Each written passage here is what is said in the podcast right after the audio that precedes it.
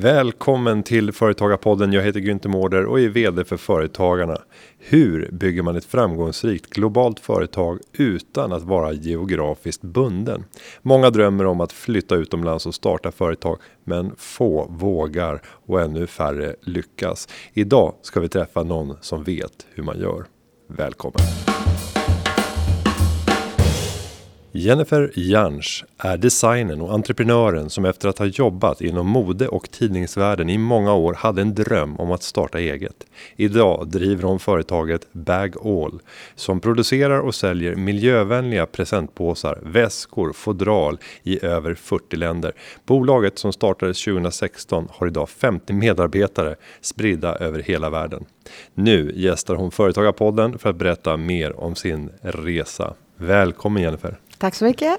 Kul att ha dig här. Roligt att vara här. Nu är vi ju nyfikna på vad handlar din business om? Vad är det ni gör? Ja, eh, vi kan väl börja lite från början. Det, det, min första vara var och min första idé var presentpåsar i tyg. Så istället för att slå in sina presenter i papper, som är, det är ju väldigt dåligt för miljön med som papperstillverkning och sen ska det här pappret skeppas över hela världen och sättas på presenter och sen blir det skräp eh, som också ska tas om hand. Så min första idé var att man skulle göra tygpåsar istället då för de här pappersinslagningen och eh, eh, som man kan använda många hundra gånger. Eh, så det var de, jag gjorde en kollektion med eh, tygpåsar först och sen så förstod jag från mina vänner och mina kunder att folk ville, behövde de här påsarna för att stoppa andra saker i, typ sina skor, en hårtork kanske och så vidare. Så väldigt snabbt så gjorde jag också en kollektion för saker. Eh, för vi hade fem tryck tror jag. Det var just en hårtork, det var skor, det var någon bild på underkläder och en tvättpåse. Och eh, presentpåsidén gick inte alls bra. Eh, vi säljer sådana fortfarande bara för att jag är så envis. Men eh, det är nu organisationspåsar, eh, packing cubes som man kallar dem. Alltså saker som man använder sig av för att hålla sig organiserad när man reser. Men även i hemmet och sådär. Eh, och vanliga tote bags, alltså eh, tygväskor av alla, alla de slag. Och för lyssnarna, gå in och googla Bag All så ser ni de här organiserade. Framförallt kuberna gjorde stort intryck på mig. När ja. man ser den här packade väskan som ser ut nästan som ett Tetris. Ja, uppmärkt med allting som finns ja. i respektive förpackning. Bag bindestreck all eh, är företaget. Så att om du skriver Bag All så kanske det kommer upp bara massa väskor. Eh, med Bag bindestreck all, då, mm. då kan man se dem. Mm. Och när du startade företaget så befann du dig inte i Sverige? Nej, vi hade flyttat till New York då och eh, det var ju lite crazy för att vi flyttade dit utan att ha något jobb, vare sig jag eller min man. Hur vågar man? Ja, jag vet inte. Alltså grejen var att vi hade haft en hyresrätt här i Stockholm som blev en bostadsrätt som var lite för dyr för oss att bo kvar i. Men vi kunde i alla fall sälja den där bostadsrätten och då fick vi en slant. Eh, och då tänkte vi, vi flyttade till världens dyraste stad. Ja, nej, men jag hade bott där innan på ja. 90-talet. Så jag hade liksom spenderat nästan tio år av mitt liv där redan. Så det var inte helt nytt? Nej, nej. exakt. Uh, och uh, ja, då tog vi tillfället i akt. Uh, och då visste jag redan att jag ville ha ett eget företag. Jag ville bli företagare.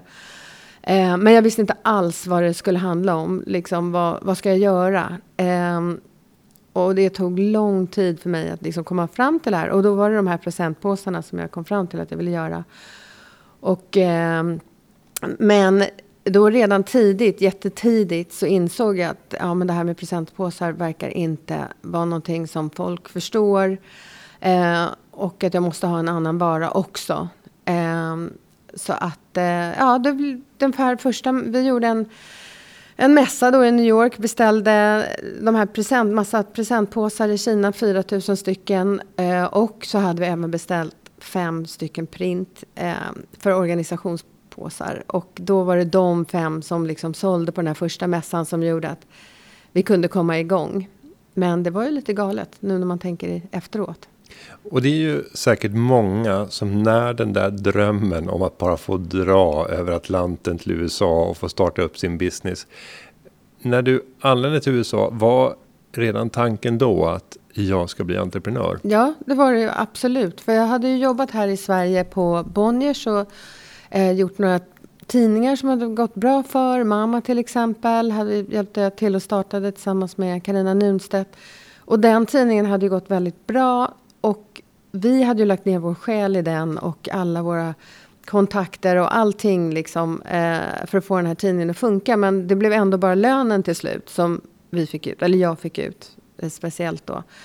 Jag var eh, creative director och modechef och så på den, eh, på mamma. Men eh, jag kände, men alltså det som jag har gjort för den här tidningen är ju värt mycket, mycket mer egentligen. Liksom. Men eh, här får jag bara min lön, vilket är det som jag har liksom signat upp för. Men eh, jag måste försöka ta min egen talang och försöka tjäna pengar på den själv. Liksom. Och då insåg jag att jag måste göra någonting, mitt eget, något eget företagande. Där jag kan liksom ta tillvara på mina talanger och också casha in på dem. Hur många olika affärsidéer hade du innan du landade i det du nu gör? Ja, alltså jag är en person som har extremt mycket idéer och liksom kommer hela tiden på ganska bra idéer tycker jag. Uh, och ofta sådana här idéer som sen är det någon annan som gör så går de skitbra också. Och så blir man förbannad på att man inte hade gjort det eller? nej, jag, jag, blir faktiskt inte det. Uh, jag, men jag måste liksom hejda mig väldigt ofta. Att bara, nej men nej, jag har verkligen inte tid. Jag kan inte liksom dra igång en grej till. Jag måste se till att ta hand om Bergol och liksom verkligen, där, där går min fulla energi. Men det var massor med idéer som jag liksom drog igenom. Uh, och det jag försöker alltid liksom göra ett tankeexperiment. Att ta den idén och sen dra den till sin spets. Vad innebär det här i vad det gäller liksom att hålla lag? Jag hade en idé. Jag tyckte inte det fanns några bra bäddsoffor till exempel. Och då tänkte jag, men gud, man skulle kunna göra bäddsoffor supersnyggt som stora schäslonger liksom. Och med kuddar och grejer. Alltså göra det jättefint. Eh, varför finns inte det? Och sen så, men då började jag tänka på, gud, jaha, var ska man förvara de där sofforna? Vad kostar det att köpa in ett lager? Hur ska man distribuera? Och då bara insåg jag att det här det blir för stort, det blir för mycket. Jag har absolut inte de pengarna. Även om jag vet att en sån grej skulle kunna gå super, super bra. Eh, så eh, då, blev, då fick vi skrota den idén. Eh, och sen så började jag tänka på att jag ska göra smycken med sådana här meddelanden. Med, och, så att you look great eller ja, du vet. Eh, vad heter det? Manifestationer. Alltså att man, eh, sådär peppande ord. Mm. Eh, och det finns ju hur mycket som helst nu, men det här var ju många år sedan. Eh, och det fanns ingenting sånt. Men det var då jag började, då hittade jag... Eh, för då började jag tänka, hur skulle jag för, förpacka de här smyckena? Och då kom jag fram till, ja men tygpåsar. Och det var så jag kom fram till presentpåsar och sen kom jag fram till min grej. Så det var alltså en process i många, många steg att komma fram till de här påsarna som vi nu idag säljer. Och nu säljer ni i USA, Frankrike, Bali, Indonesien, Sverige, 40 olika länder. Det kanske ja, blivit ännu det är, fler. Det är många, många fler än 40. Men ja. jag tror att det var 63 sist 63 vi kollade. Länder. Mm. Mm. Och eh, på hur många marknader har du personal? Eh, ja, vi har ju då eh, butik och kontor i New York. Eh, vi har butik och kontor i Stockholm. Eh, och vi har butik och kontor i Paris. Och sen har vi ett kontor i Bali, för där har vi bott. Och då så öppnade jag en backoffice där som sköter mycket av eh, distributionen och eh, uppdatering av webbsidor och sånt där. För vi har ju många webbsidor också. Eh, så det är väldigt så här, tidskrävande arbete. Eh, så där har vi ett kontor också. Och sen har vi eh, ett moderbolag i Singapore som det är just nu. Ehm, så där har vi en person också. Eh, och sen har vi framförallt tillverkningen i Kina. Och det är en ganska stor fabrik men som bara gör våra saker också. De har inga andra kunder utan det är bara Bergol som de tillverkar. Så det är nu ett eh, multinationellt eh, koncern? Ja, just det. Och så har vi ju distributörer också i GCC, alltså Mellanöstern som täcker Kuwait, Saudiarabien och och den delen av världen. Och sen har vi i Sydkorea också distributörer. Um, de där andra ställena så, de äger vi ju själva, men distributörerna. Och sen har vi agent i Tyskland och ja, sådär. Så att ja, vi har bra täckning. Ehm, och då funderar jag utifrån eh, företagsledarperspektivet. Hur är det att hålla ihop en kultur och skapa samma värderingar och få ihop den där själen som man ofta pratar om som företagare när man befinner sig på så många olika platser? Hur gör du? Ja, alltså dels så är, har jag ju anställt bara tjejer egentligen. Har det, blivit. det är inte någonting som har liksom bestämt att det ska vara så. Men det har blivit så därför att de som jobbar hos oss älskar brandet jättemycket. Och är liksom så engagerade i brandet. De brinner liksom för Bergol. Vi jobbar ju mycket och gör mycket för miljön också. Vi planterar liksom tusentals träd. Eh, 10 000 om året, typ. Eh, och sådär. Så de är både brinner för miljön och för brandet. Och det är den typen av medarbetare som jag vill ha. Jag vill inte ha sådana som bara kommer in för att det är ett jobb för att de ska kunna betala hyran. Utan det måste finnas ett engagemang. Eh, så de har ju ett engagemang till att börja med. Men det vi gör är att vi har varje eh, månad ett eh, Zoom-möte i början på varje månad. Och eh, då är alla med där och så pratar vi om liksom nyheter som, vi har, kommer, som kommer in, nya anställda, presenterar dem och vad de gör och sådär så att alla har ett ansikte på varandra. Och, så med det. och sen innan pandemin så hade vi också en konferens och sådär på Bali då jag bodde där och då kom alla dit. Men det har ju inte gått nu av förklarliga skäl så att det är ju samma för alla att det är väldigt mycket Zoom som gäller. Men jag tror att alla liksom känner att de känner varandra. Jag känner ju alla, mm. så att, men jag tror att de andra också känner så för varandra. Faktiskt. Och liksom kontaktar varandra och sådär. Ja, Företagskonferens ja. på Bali. Mm, det var nice. Det drömmer man om. Ja, ja. det var jättenice. Eh, om du tittar på att driva bolag i olika länder. Jag brukar mm. ofta fundera över vilket land borde vi inspireras av i Sverige för att vässa vårt lands konkurrenskraft när det kommer till företagande? Ja, Va, jag tycker det är en jättebra får... och väldigt eh, viktig fråga som jag funderat väldigt mycket på. Därför att jag hade eget företag i Sverige eh, innan flyttade till New York och min man har flera olika egna företag, små företag. Eh, och sen så flyttade vi till New York då, och då startade ju ett INK, ett aktiebolag i Amerika. Eh, och där startade ju Bergall. Eh, och det är ju otroligt mycket lättare, de gör det ju väldigt lätt för entreprenörer att komma igång. Eh, så tillvida att man gör massa undantag då för småföretagare vad det gäller liksom kostnader för anställda. Och det gjorde att jag ganska tidigt kunde ta in personal. Eh, min syrra här i Stockholm hon startade en stickbutik i Gamla stan, Makeri 14, gullig liten butik. Eh, samtidigt, eh, alltså nästan bara några veckor ifrån varandra. Eh, och hon har ju inte fortfarande kunnat ta in personal därför att det är för dyrt i Sverige.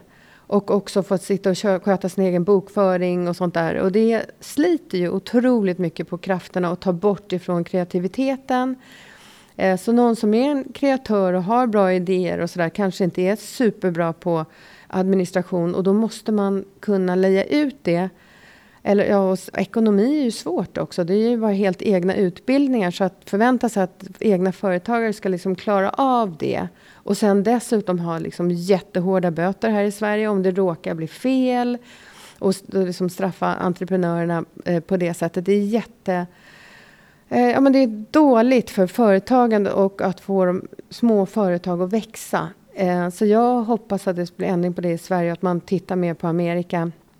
Hur man gör det. Nu har jag ju bara bott i New York och startat företag i New York, så jag vet ju inte hur det är liksom i resten av Amerika. Så jag kan bara berätta om hur det är där. Och det, det var ju liksom verkligen räddningen för mig, att jag kunde snabbt få in folk som kunde liksom ägna sig åt det som jag inte är bra på. Också till en liksom väldigt rimlig summa. Vi har haft samma bokföringstjej alla år där och hon kostar oss liksom en bråkdel av vad det kostar med bokföring i Sverige till exempel.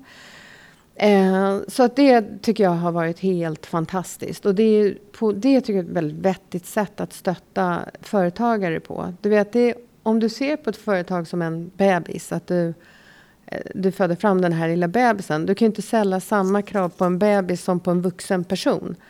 Och jag menar att ett företag blir inte en vuxen person förrän sen kanske efter tio år. Att det finns liksom att man har eh, vuxit upp och har de här musklerna som man behöver ekonomiskt och så. Eh, för att kunna klara av att betala eh, jättemycket sociala avgifter och skatter och, och så vidare. Eh, så där tror jag att man skulle kunna göra jätte, jättemycket. För, för det gäller inte bara att ge så här, ja men här får du stöd och starta ditt eget företag. Det, det är ju en mycket lång det är en lång process innan man kommer till att man har något cashflow och sådana saker.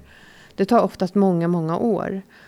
Och, i, alltså, och följden har ju blivit här i Sverige som jag tycker att det verkar som att eh, många får ta in eh, finansiärer som kommer och ska finansiera de här idéerna istället för att man ska få växa som vi har gjort påse för påse. Jag har inga finansiärer. Jag har inte gett bort någonting av mitt företag. Eh, jag har kunnat växa påse för påse, men det hade inte varit möjligt här i Sverige. Ehm, så att, ehm, ja, jag tycker man borde eh, fundera på hur man kan stötta företag på det sättet istället. Att ge dem liksom många, många lättnader i ganska många år tills man är på benen. Och då är det självklart att man ska betala alla skatter och sociala avgifter och allting. Det är jag 100% för. Mm. Jag tycker det är fantastiskt att man att vi har ett samhälle i Sverige där man eh, kan få sjukvård och sånt gratis. Det, så där tycker jag man ska betala. Men det gäller ju bara att få igång alla de här företagen. Så att vi kan också växa internationellt och få in alla de här pengarna sen i slutändan när de här företagen. Eh, för att som det är nu så om man tänker sig ett 100 meterslopp så är det som att du vet, amerikanerna de har dragit iväg och vi står på mållinjen och fortfarande knyter våra skor. Liksom. Eh, vi kan aldrig komma ikapp dem, för de har sånt försprång med hur det är uppbyggt där eh, för entreprenörer och företagare.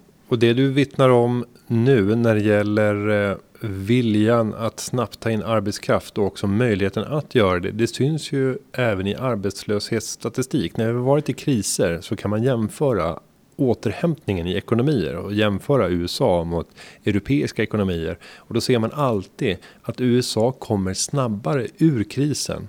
För att man kan mota bort en arbetslöshet genom att det finns många små entreprenörer som står beredda att snabbt anställa när ja. behoven återkommer. Men du vet om du är i New York och går in på minsta deli, alltså en liten sån här matbutik. Eh, så jobbar det ju fem, sex personer i varje sån eh, butik. Eh, och i Sverige så kanske jobbar en eh, person och det är oftast ägaren själv som är helt utschasad och liksom inte har tagit någon semester på hundra år och ska sen jobba hela dagen, ska sen hem och göra sin bokföring och sådana saker.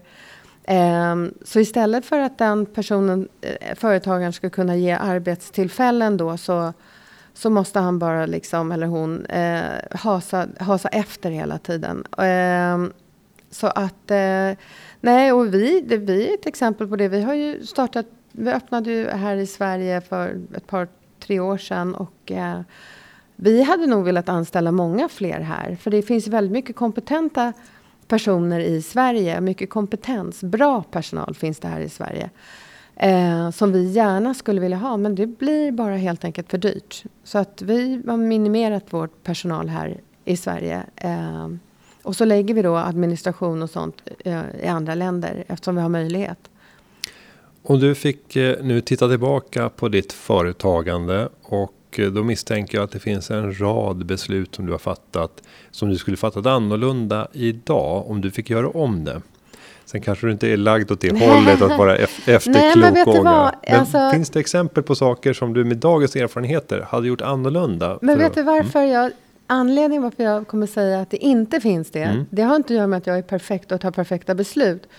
Utan det är att man lär sig så jäkla mycket hela tiden av det som inte blir 100% korrekt liksom, eller rätt. Eh, det, mitt, det som jag kan tycka att jag ångrar det är att vi tog in en partner i Australien och jobbade med. Det var den enda partner som också hade ägandeskap.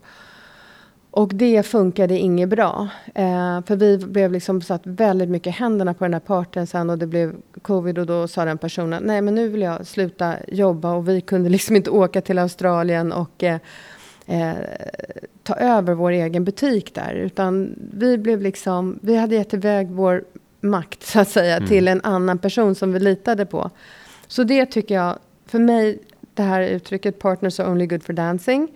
Eh, skriver jag under på och kommer inte någonsin ta in en partner igen. Och det, och det var ett dåligt beslut tyckte jag. Det, det funkade inte alls. Eh, och särskilt inte i kristider och sånt där. När, man, när saker och ting börjar hända utom vår kontroll. Liksom.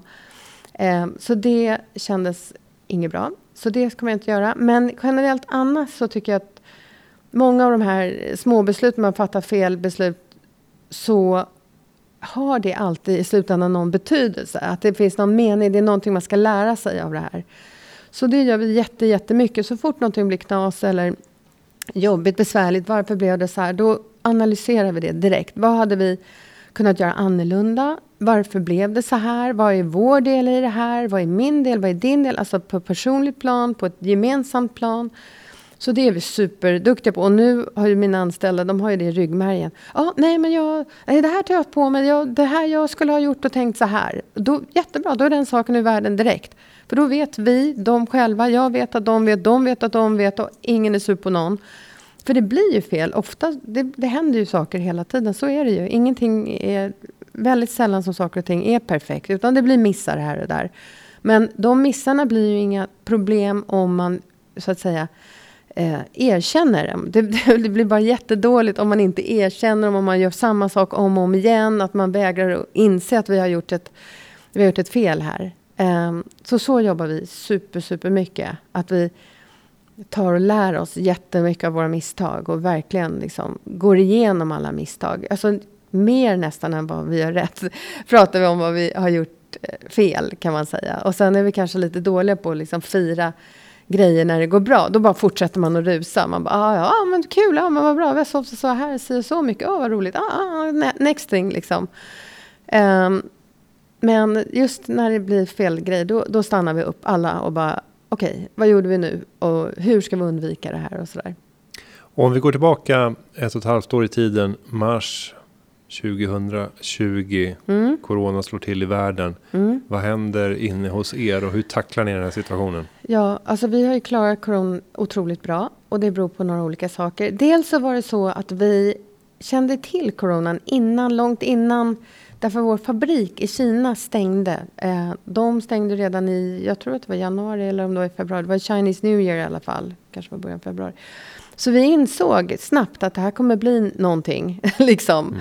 Eh, för det var nog många som trodde att det här kommer bara försvinna. Men vi var lite mer så här, okej. Okay, det här är på riktigt. Liksom. Eh, och då började vi titta på vad, vad kan vi göra eh, nu. Vi hade en bra webbsida innan, de var helt okej. Okay. Men direkt så sa vi bara nej, nu måste alla liksom släppa det de håller på med. Och det blev ju ganska lätt i och med att butikerna kom inget folk, allting liksom stängde ner så personalen hade ju mycket mer tid. Men då fick alla ägna sig åt att uppdatera våra hemsidor.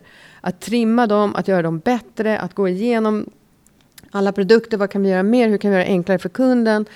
Customer journey, liksom allting. Så det gjorde en jättestor overhaul på alla våra hemsidor. Och det tog ja, men, två, tre månader av 20 pers som jobbade liksom fulltid med det här.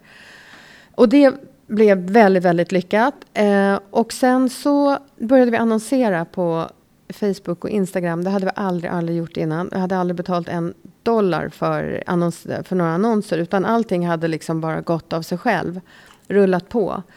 Eh, så den annonseringen som vi satte igång med då, det eh, gjorde att vi att kunde hitta oss på nätet på ett helt annat sätt. Så att vi skruvade egentligen om från att ha mest retail i butik till att ha 100% av retail på online. Vilket gjorde att vi inte tappade liksom i pengar. Eh, så det, eh, det gjorde vi. Sen så också ändrade vi. Innan så pratade vi i vår marknadsföring, eller ja, vi hade ju inte så mycket marknadsföring, men om våra Instagram-konton och på vår webbsida så, så pratade vi liksom om organisering när man reser, man packar sin resväska och hur man kan hålla sig organiserad. Och då ändrade vi om till att hur kan man hålla sig organiserad hemma? För att det var ingen som kunde resa. Uh, så vi pratade istället om home organizing. Här organisera ditt badrum, organisera din arbetsplats, organisera så. Så det var ju väldigt bra att vi kunde ändra, alltså vi kunde ta våra produkter och bara switcha om dem från resa till hemma. Uh, så att uh, de sakerna gjorde att vi klarade covid bra. Vi behövde inte sparka någon, ingen blev av med jobbet och, eh, och ingen har egentligen haft mindre att göra, nästan tvärtom, haft mer att göra för att vi har gjort de här stora förändringarna. Om vi tar just eh, annonsering och att kastas ut i den världen av annonsering i sociala medier. Mm. Hur gjorde ni för att bygga upp kunskaperna för att kunna eh, köpa effektiva annonser? Ja, alltså det är en djungel kan jag tala om. Och, eh, Ja, jag gjorde det väldigt mycket personligen och sen så har vi en vice VD, Julia, som har, eh, svensk, som har jobbat med mig från allra första början, eh, som är svinduktig också. Eh, hon eh, och jag eh, satte oss in i Facebook själva, Facebook-annonsering och det är jättekomplext. Och det är ju nästan liksom som en heltidsutbildning. Alltså man eh, tittar på jätte, jättemycket Youtube-filmer och massor med sådana saker. Eh, hur man ska göra, trial and error, testa. Alltså det, det är jättejobbigt, det är snårigt, det är en djungel av, av saker. Eh, och vi har inte bemästrat det helt, absolut inte. Men jag tyckte det var ganska bra och smart att hålla det inhouse. Att man gör det själv som företagare. Det är verkligen värt att ha kontrollen över sin egen marknadsföring. Istället för att ge iväg det. För att det är ingen som kan dina kunder som du själv kan dina kunder. Och i princip är det ju så att jag och mina anställda är ju våra, vi är ju kundgruppen själva. Vad gillar vi? Hur vill vi att det ska se ut? Vad tilltalar oss? Och sådär. Um, så att ja, men vi gjorde det själva, men det är fruktansvärt stort och jobbigt jobb. Och eh, jag blir nästan bara svettig bara jag tänker på det nu fortfarande. Liksom. Mm. Men det blev ändå lyckat och vi fick liksom bra return of investment och ad spend och sånt där. Eh, så att det var värt allt det här jobbet. Och det hjälpte oss också till stor del genom covid kan man säga. Absolut. Och nu så har vi börjat tackla Google som tyvärr är uppbyggt på ett helt annat sätt och inte alls funkar. För det hade varit smidigt om det var liksom lite samma sätt som det var uppbyggt på. Men det är det ju absolut inte. Så att eh, nu har jag börjat köra Google och eh, det är också supereffektivt faktiskt. Mm. Och om vi sen går vidare till någonting som brukar hända när man växer och blir stor och har en produkt som är populär runt om i världen det är ju att det dyker upp kopior och ja, aktörer ja. som vill ge sig in. Ja, hur, hur, hur, ser, hur ser situationen ut och hur tacklar ni det? Nej, men vi, det är, vi har jättemycket, det är hur mycket kopior som helst kan man säga. Eh, om man tittar på Alibaba, den här kinesiska webbsajten mm. och sätter in liksom Washme som en produkt vi har, då kommer ju upp liksom kopior på våra, de tar ju våra bilder, det är inte som att de ens det är orkar. Kopior, alltså. ja, ja, de orkar inte ens ta göra egna, utan mm. de bara tar våra bilder och säger men det här kan vi producera och sådär. Och vi har ju här i Sverige också råkat ut för att det har kommit liksom rakt av kopior och så. Man får skriva brev, arga brev, eh, mejla, ringa, eh, skicka brev från advokat och sådär. Eh, så att, eh, men på sätt och vis så är det ju lite det här att kopior är också the greatest form of flattery. Alltså det är ju att eh, eh, eh, vad heter det, smickrande. Alltså, mm. Det är smickrande, det är ju att folk verkligen tycker att det man gör är väldigt bra och de vill göra samma, eh, samma sak. Och vi vet ju hur svårt det är att sälja våra produkter. Eh, och att få ekonomi i att sälja våra produkter. Så att de, man vet att de måste komma upp i otroliga volymer för att det här ska kunna funka. Så att det är en, inte så lätt att kopiera som man tror. Liksom.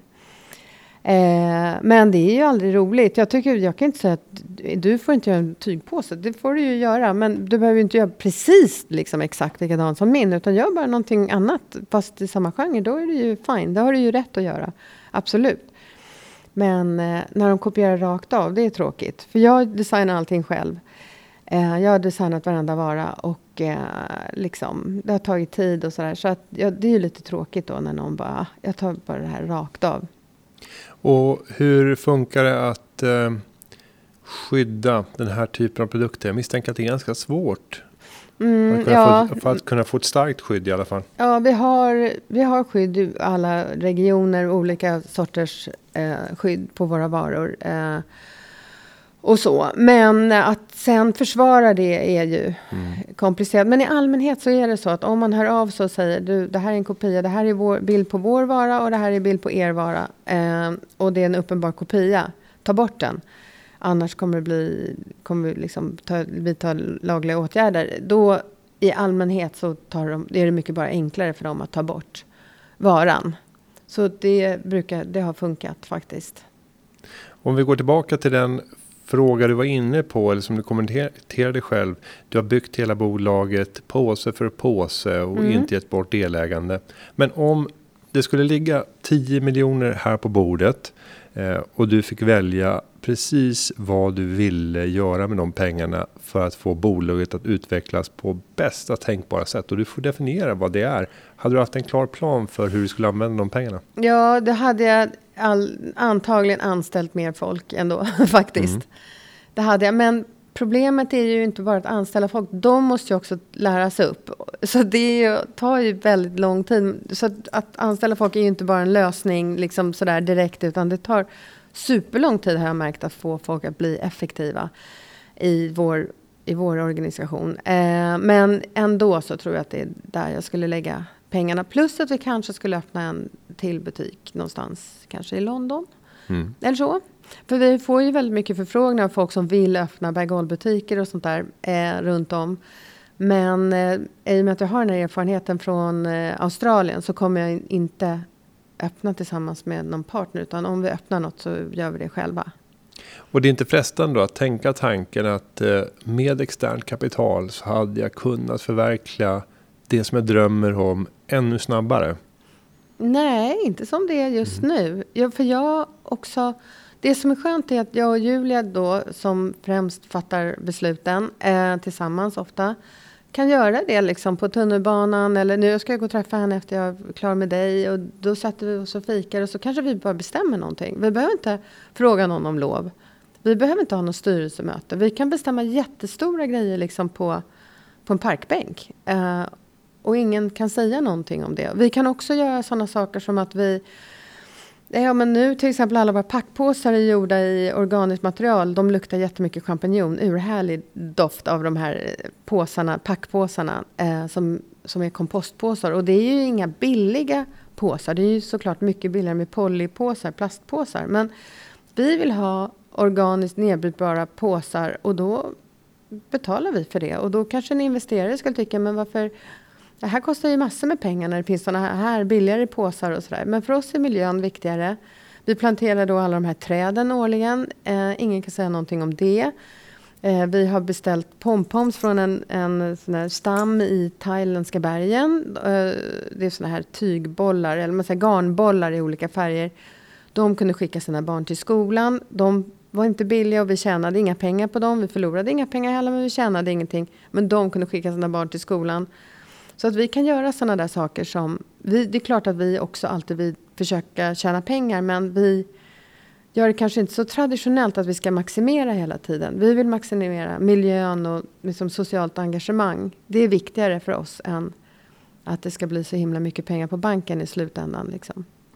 Om vi nu skulle sitta i eh, samma studio här och spela in om fem år. Mm. Och du får beskriva vad du drömmer om har hänt inom ditt företagande.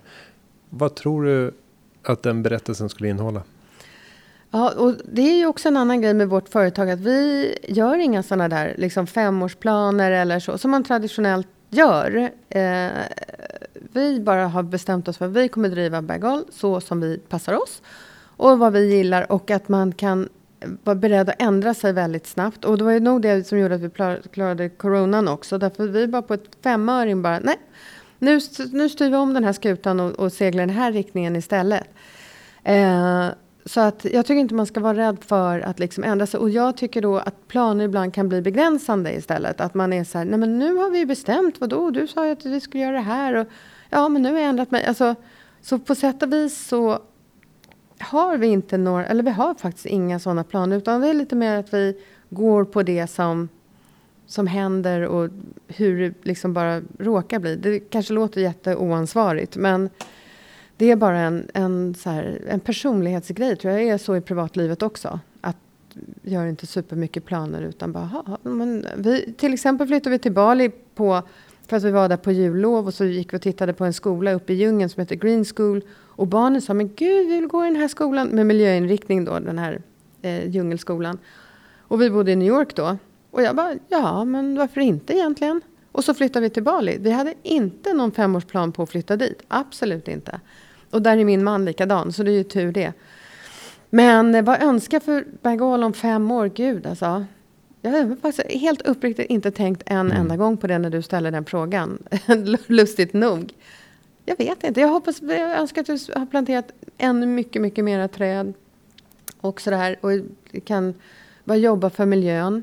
Kanske om, man, om de här, liksom, att man kan göra det enklare för egna företagare i Sverige skulle jag tycka var fantastiskt. För jag vet att det finns otroligt mycket duktiga folk här men jag vet också att det är otroligt mycket folk som liksom inte klarar av det här stålbadet som man blir utsatt för här i onödan tycker jag. Eh, tycker vi ska liksom vårda de här bebis, företag, företagsbebisarna i Sverige mycket mera. Eh, så det skulle vara fantastiskt till exempel också. Att det har blivit någon ändring där och så. Eh, men ja, vi får se var Bagal hamnar någonstans. Det låter passionsdrivet. Ja, mm. det är det. Och om vi då tar avslutningsvis den här lyssnaren som tänker att det som Jennifer berättar om, det vill ju jag också göra, men inom något helt annat område. Att följa min passion och att våga kasta mig in och mm. våga flytta dit jag drömmer om och få starta ett företag. Vad har du för råd till den personen? Um, alltså jag, man har ju bara en chans på den här planeten som vi vet just nu. Liksom. Uh, så att man, man är skyldig sig själv att liksom följa sin passion, tycker jag. Eh, och att man lever sitt bästa liv. Liksom. Det värsta är, är väl att man sitter där sen och bara, men varför gjorde jag inte det? där?”. Varför när det liksom är för sent? Man måste försöka liksom eh, våga. Och så. Men det kan ju alltid vara bra att ha någon lite så här säker... Vi har ju till exempel ett landställe i Sverige som, eh, som har varit lite av en säkerhetsplats för oss. Att, ja ah, men gud, om allting går åt helvete så kan vi ändå alltid åka till vår sommarstuga. Den finns kvar. Liksom. Vi sålde vår lägenhet, alla våra möbler här.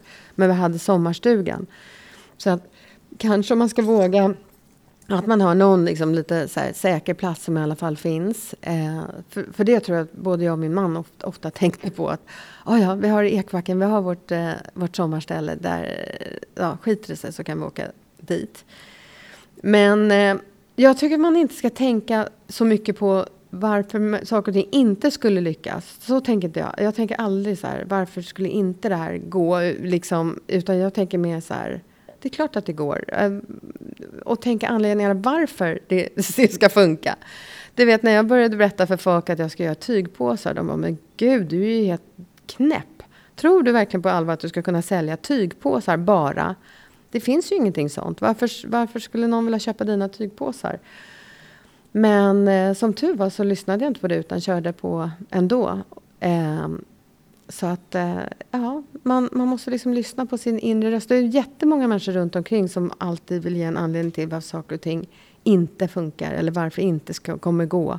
Det är en, ganska, det är en lite svensk sak. I, i USA så kan det vara så här, jaha men gud ska du sälja tygpåsar? Men jag känner någon som har en eh, fabrik som gör band. Ska jag sätta ihop er som kontakt? Alltså de tänker mer, hur kan jag hjälpa dig? Mm. Istället för, hur kan jag tala om för dig att det här inte kommer funka?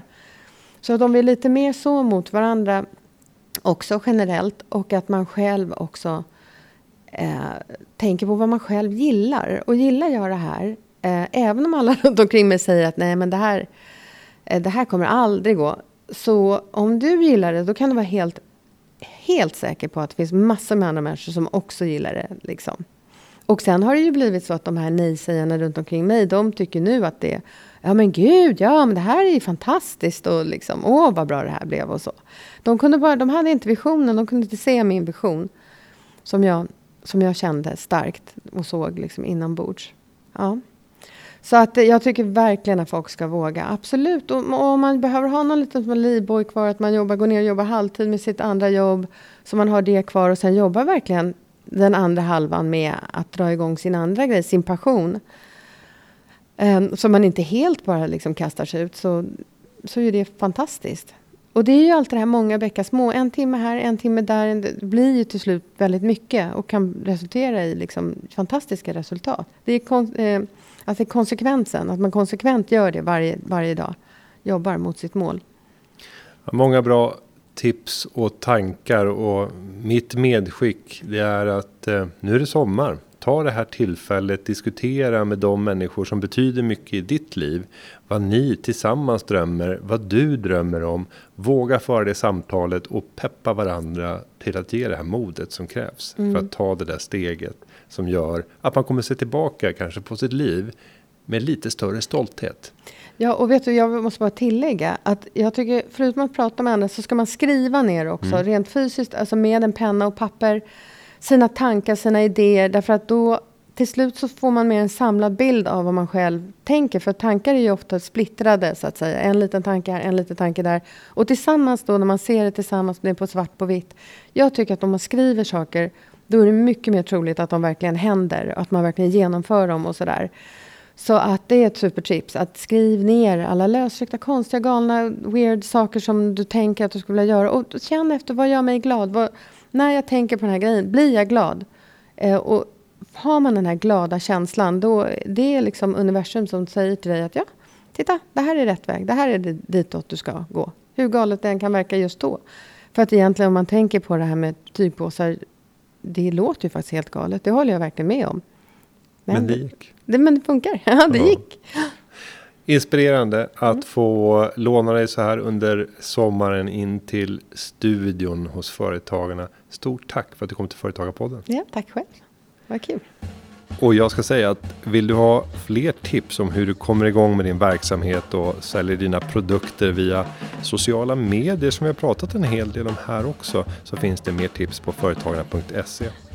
Underlaget för podden det är gjort av David Hagen och klippningen av Petra Cho. Vi hörs igen nästa vecka.